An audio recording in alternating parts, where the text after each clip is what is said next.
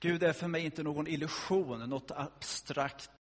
När vi firar gudstjänst så är det inte någon minnesstund vi kommer till, utan det är en plats där Gud finns. En helig plats där vi får komma nära den Gud som har skapat himmel och jord. Där Gud är mitt ibland oss. Där vi får komma nära Jesus, han som försonade hela världen med Gud.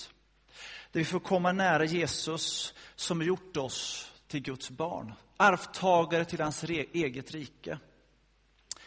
Där vi får komma nära den heliga Ande, han som har fyllt våra hjärtan, som har satt ett sigill på vår panna, som vittnar i oss att vi tillhör honom.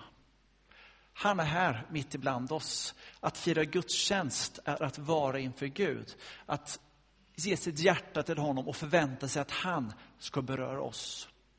Det tror jag att han vill göra då, för han är verklig. Han är ingen illusion, han finns på riktigt. Och det är det jag har känt inför den här gudstjänsten här idag, det är att vi ska få möta Jesus. Du kanske ska få göra ett nytt möte med Jesus idag. Kanske för första gången, kanske för andra gången, kanske för tjugofjärde gången. Men ett nytt möte med Jesus, där du verkligen får bli märkt i ditt inre.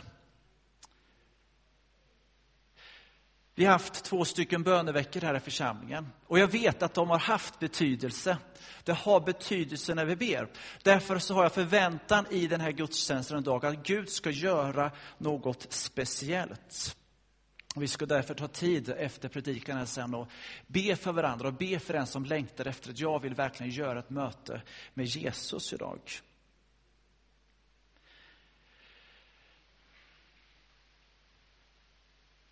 Vi läser ifrån Andra Korintsebrevet kapitel 4, vers 6.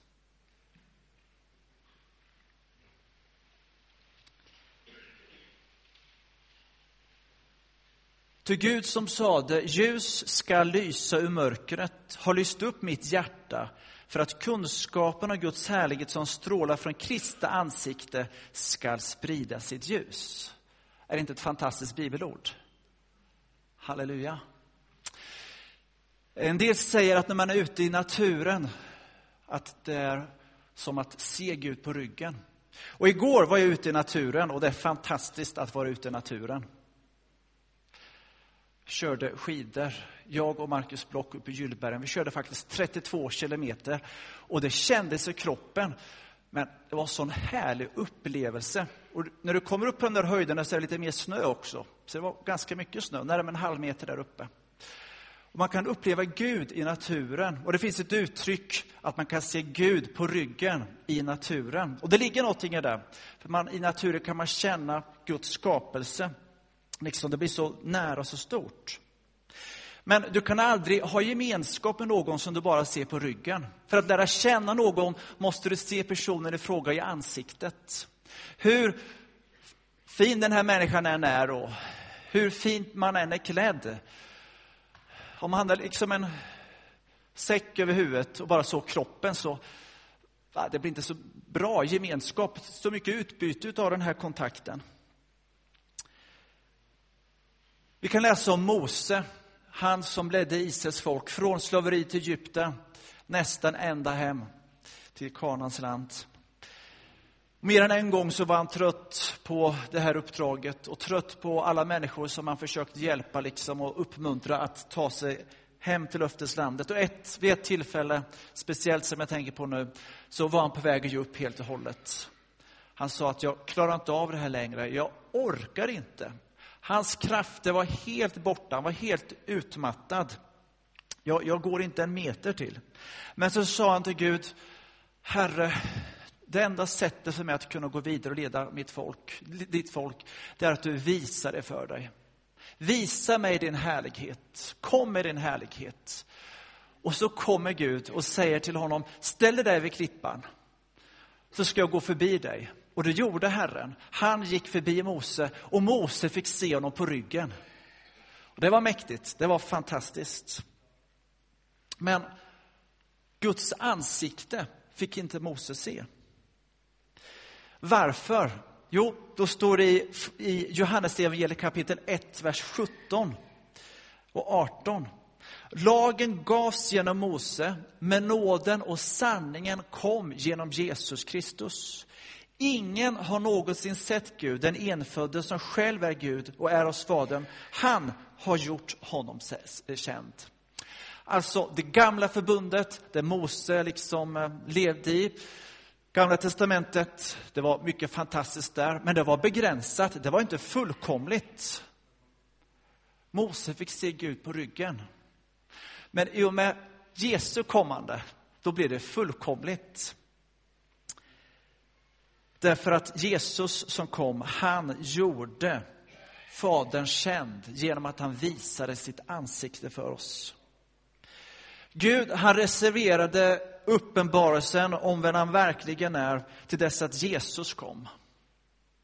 Så när du ska lära känna en person så sägs det att ungefär 90 procent av din uppmärksamhet till att lära känna en person, det gör du genom att se den personen i ansiktet. Det här första ögonblicket när du träffar någon. Så är det mimiken och gesterna, ögonen, eh, liksom kontakten du får. Det är ansiktet. Utan ansiktet blir den här personen anonym som du har framför dig. Det viktiga är ansiktet. I Kristus har Gud visat sitt ansikte. Genom Jesus så strålar Guds härlighet fram. Jesus förklarar för oss vem han är. Jesus förklarar hur Gud tänker, vad han vill, vad som är väsentligt för honom. I Jesus så ser vi Guds vilja, hans planer, hans omsorg, hans kärlek, hans prioriteringar. Jesus är Guds ansikte. Han känner Fadern och han förmedlar bara det han får från Fadern. Det sa Jesus själv. Och på grund av Jesus så är inte Gud något dolt för oss. Det är inte något okänt, utan han är närvarande. Ett möte med Jesus förvandlar en människas liv. Jag har själv fått möta Jesus, inte bara en gång, utan många gånger. Och de upplevelser jag har gjort tillsammans med Jesus kan aldrig någon människa ta ifrån mig. När, när vi får olika frågor så kan vi inte svara på alla frågor, för vi förstår inte allt. Men något som någon människa aldrig kan ta från oss, det är det möte vi har gjort med Gud. En erfarenhet vi har gjort med honom. Och det är det som också varit lite signifikativt för pingströrelsen genom alla årtionden. Det är just ett möte med Jesus. Att det, att det handlar om en personlig upplevelse. Det är inte bara en kunskap vi förvärvar oss. Det är inte bara något vi läser till oss. Kunskap om Bibeln, det är jättebra. Kunskap om Gud, det är jättebra. Men vi behöver en erfarenhet. Det behöver gå ner i djupet på våra hjärtan. Vi behöver möta honom ansikte mot ansikte. Om vi tänker en stund på lärjungarna så vandrade de tillsammans med Jesus. De levde med honom i tre år. De såg allt vad han gjorde. De lutade sig mot honom. De kände hans andedräkt, de kände hans hjärtslag. Ja, de såg vem Jesus var. Det var fantastiskt. Helt fantastiskt. Och när Jesus sedan berättade för lärjungarna att snart ska jag lämna er. Det var i sitt avskedstal i Johannes evangeliet. Så blir de bedrövade. Men Jesus sa till dem, det är nödvändigt att jag går bort. Det är nödvändigt att jag går bort. För han säger, det är det bästa att jag lämnar er. Ty om jag inte lämnar er så kommer inte den helige Ande hjälparen till er. Men när jag går så ska jag sända honom till er. Denna hjälpare skall alltid vara hos er, sanningens ande den helige Ande. Han ska lära er och påminna er om allt. Han ska uppenbara vad synd är, vad rättfärdighet är och vad dom är. Den helige Ande ska vägleda er med hela, hela sanningen. Han ska förhärliga mig. När Jesus sedan 40 dagar efter sin uppståndelse står på det här berget och ska åka upp till sin far i himlen igen i Apostlagärningarna kan vi läsa om detta, kapitel 1. Så säger han till lärjungarna, Johannes döpte med vatten, men om några dagar ska ni bli döpta med den heliga Ande. Och ni ska få kraft när den heliga Ande kommer över er. Och ni ska vittna mig i Jerusalem, Judeen, Samarien och ända till jordens yttersta gräns. Så bad lärjungarna intensivt efter denna erfarenhet att få möta Gud på detta sättet. Och på pingstdagen sker det. Guds ande kommer över dem som en stormvind. Det fyllde hela huset och Guds heliga ande flyttade in i deras liv. Och det tog sig uttryck genom att de talade i tungor. Det kom ut och vittnade om Jesus med en kraft som de aldrig hade haft förut. Människor blev berörda i sina hjärtan. Tusentals kom till tro. Under och tecken skedde. Jesus hade tidigare gått bredvid lärjungarna. Jesus var begränsad i tid och rum. Det var på ett väldigt litet område Jesus rörde sig. Väldigt litet område, ungefär som Småland är ju Israel. Det var inget stort område. Han var begränsad i tid och rum, för han var inte bara Gud, utan han var också människa. Men i och med pingstdagen så upphörde alla begränsningar. Det var därför Jesus sa det är nödvändigt att jag går bort, för jag ska sända er en annan hjälpare. Vart är Jesus nu någonstans 2014? Jo, över hela världen, genom varje människa som är bärare av den helige Ande. Där är Jesus. Nu går inte Jesus bara bredvid oss som han gjorde med lärjungarna, utan han har flyttat in i oss. In i oss. Om du dricker vatten exempelvis så kommer in vatten i dig. Nu har Jesus kommit in i dig. Det är skillnaden. Så det är något mycket större faktiskt vi är med om idag. Det var därför som Petrus och de andra predikade på första pingstdagen att i de sista dagarna ska utgjuta min ande över allt kött.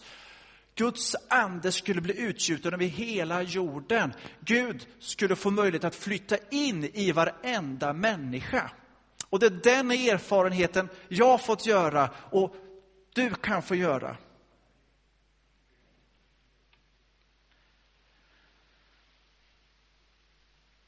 Gud, han vill möta oss som församling idag. Han vill komma oss, över oss med sin frihet. För då Guds ande är, där är det frihet. När Guds ande kommer och tar plats i våra liv så vill han föra oss ut i frihet.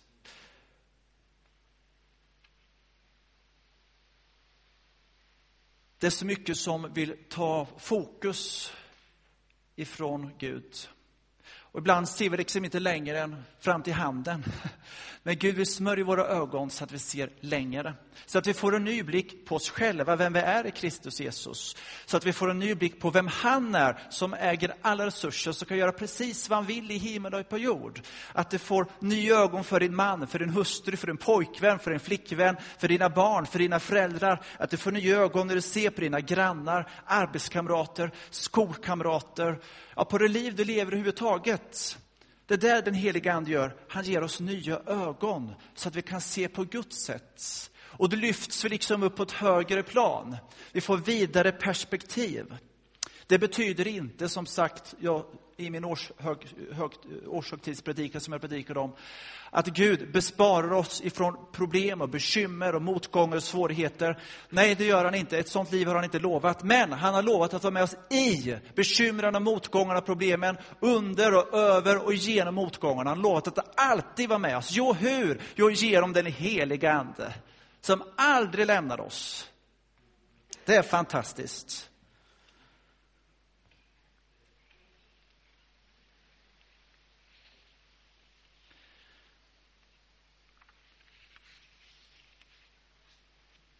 Jesus talar om att berg kan resa sig upp.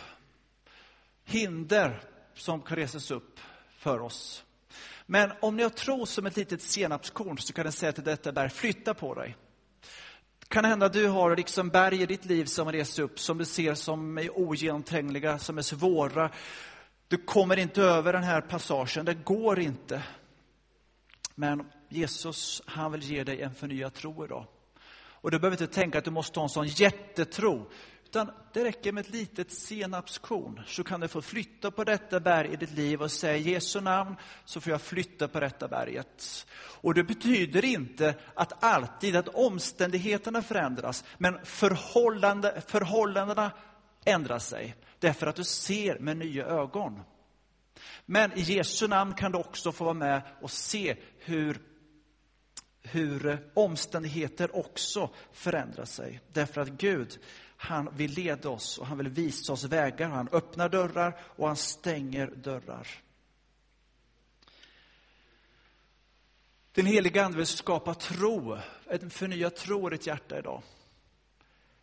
Han vill skapa något nytt också när vi tänker på vår församling. Du kan få känna honom en passion som du inte haft förut. Gud, han vill komma med, sin förvandlande, med sitt förvandlande liv, förvandlande kraft till våra kroppar. Om du är sjuk i din kropp så har Jesus makt att hela din sjuka kropp. Om du har själsliga sår så är Jesus vår herde och han kan själavårda dig bättre än vad någon annan människa kan göra. Men människor behövs också till hjälp. Men det inte en människa kan göra, det kan Gud göra. Ibland så kan vi känna oss andligt trötta och modlösa. Men så kommer Guds ande över oss. Och det finns så mycket jämförelser som man kan göra i vardagslivet. Och det är ju aktuellt för mig igår som åkte skidor. Så att I början, när vi började köra igår, så var jag väldigt trött. Jag fattade inte vart all energi fanns någonstans. Det är märkligt det där. Och helt plötsligt så känner man liksom att man får energi. Om du sett på sport på tv någon gång så hör du kommentatorerna och de säger att, ja, vad är det de säger? Att han ser helt slut ut, han ser helt uttömd ut. Men nu, vilken kraft han springer med. Alltså man kommer in i olika faser och det är sån skillnad. Det är sån skillnad. När man får känna det här, liksom att det bär, det fungerar. Man kan inte riktigt förklara hur och varför det blir så. Så vill också Gud komma in i ditt och mitt liv. När vi känner liksom att det går inte, jag orkar inte en meter till. Så kommer Gud där och ger dig energi så att du får kraft att fullfölja loppet hela vägen in i mål.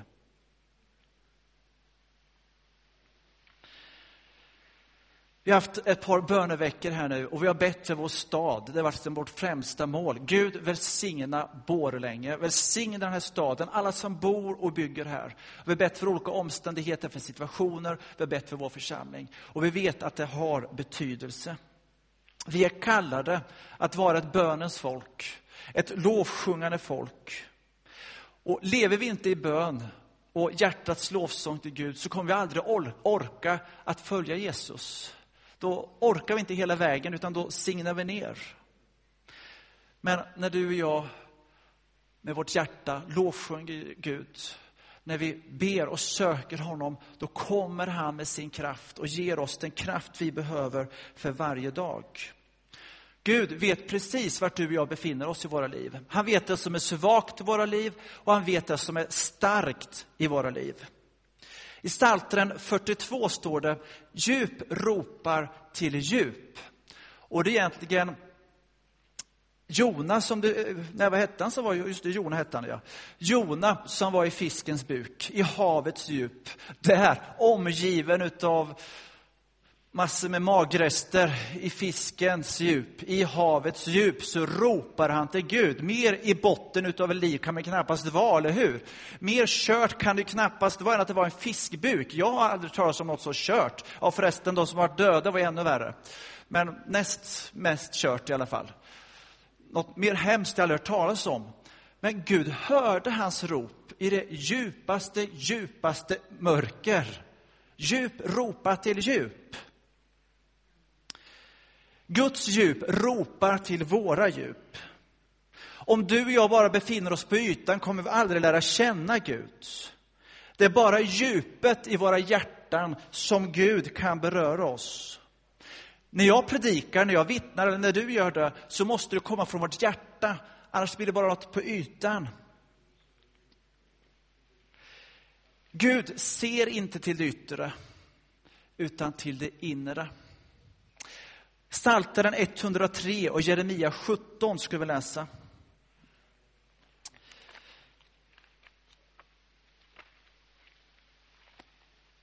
I Psaltaren står det så här. Den rättfärdige är som ett träd planterat nära vatten. Och Jeremia 17, vers 7-8 står det så här. Välsignade man som sätter sin lit till Herren, i gamla översättningen som sätter sin förtröstan till Herren, som litar helt till Herren. han är välsignad. Han blir som ett träd planterat nära vatten. Det sträcker sina rötter mot bäcken, den har inget att frukta av hettan, bladen är alltid gröna. Det ängslas inte under torra år, upphör inte att bära frukt. Amen. Är det inte fantastiskt? Amen. Det viktigaste vi har, det är det osynliga livet tillsammans med Jesus. Om du ser på ett träd, det finns någon som kanske är väldigt duktig på träd här, och de som är duktiga heter ju något med aborist eller något sånt här, eller hur? Och när du sågar på ett träd och ser en, en, en stubbe så här, då har du säkert tittat på någon gång, så ser du massor med årsringar. Och de som är väldigt duktiga på det här, de här aboristerna, de kan ju läsa av i de här ringarna och se vilka år trädet har gått igenom. Om det har varit blöta år eller om det har varit torra år, om det har varit skogsbrand eller inte. Du vet, en del träd kan bli flera, flera hundra år gamla. Men man kan liksom se trädens historia i de här årsringarna. I våra liv kan vi också möta heta och torra år dessa perioder som kan vara så svåra, inte kanske riktigt som Jona, men ändå väldigt tuffa. Men under de här perioderna, precis som det också var för Jona, så får Gud också möjlighet att göra något positivt i våra liv. Djup ropa till djup.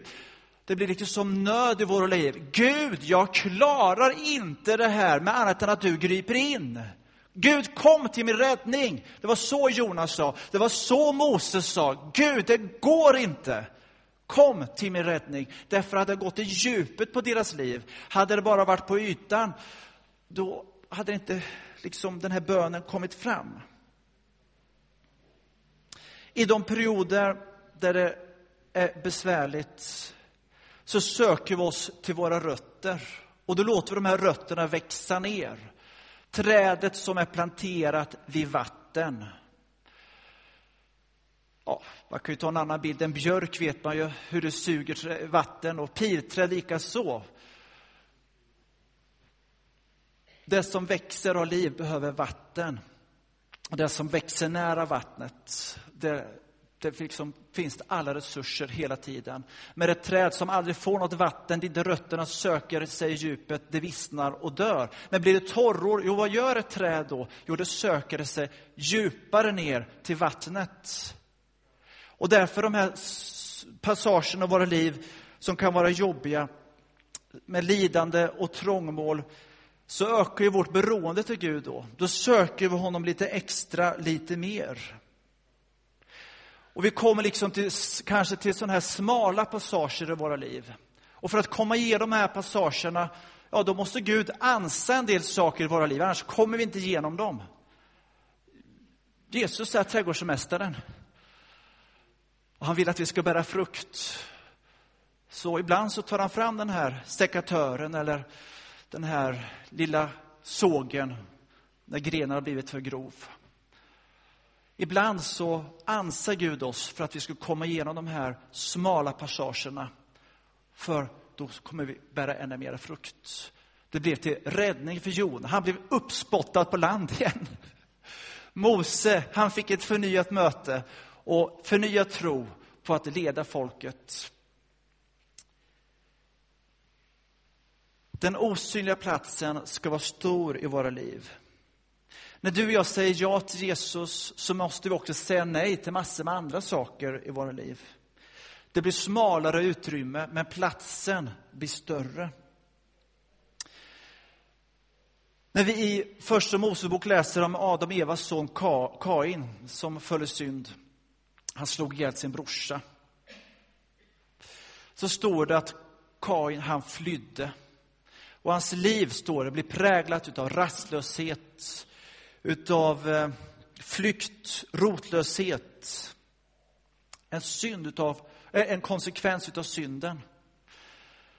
Och det är så vi kan känna som människor och då så människan känner den här rastlösheten, att man inte har funnit vila för sin själ. Men så kan vi läsa i Guds ord, kapitel 3, att Guds frälsningsplan blir tydlig. Amen. Eller hur?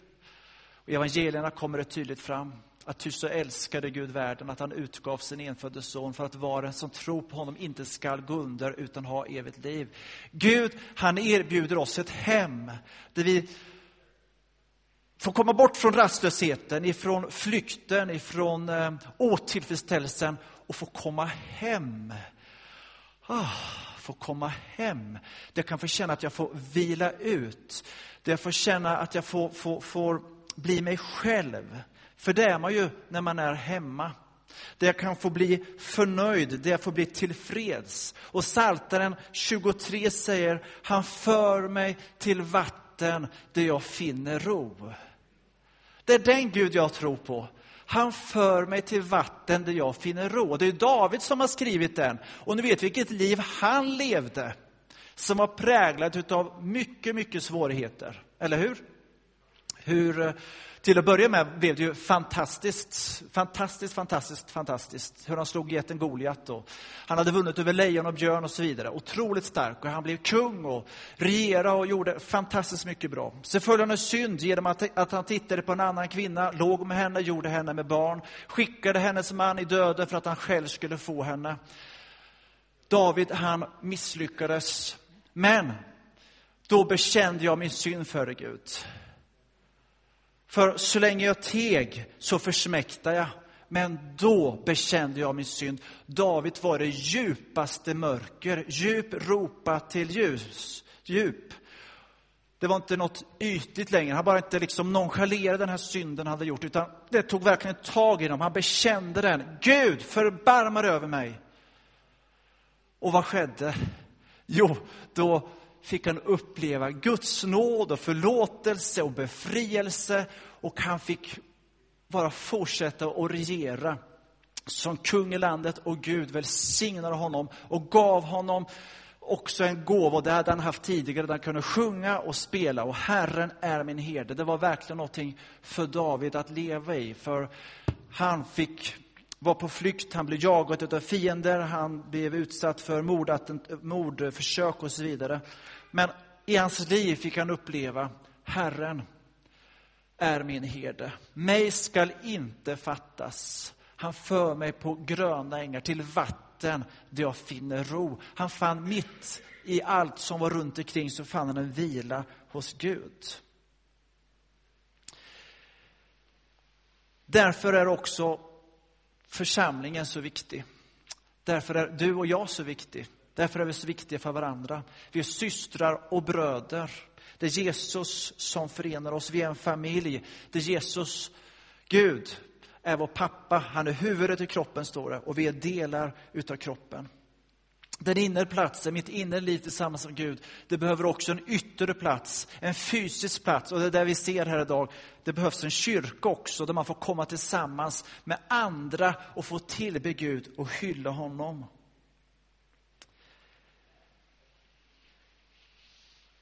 Jag ska be att Elin kommer fram igen och vi, hon får sjunga den här sången igen. Och vi kan tänka på vad Gud har gjort genom tider som har gått. Hur han har hjälpt sitt folk och vandrat dem, vandrat med sitt folk och hjälpt dem genom allt. Och så kan vi se tillbaks på våra liv, hur Gud har hjälpt oss med sin hand.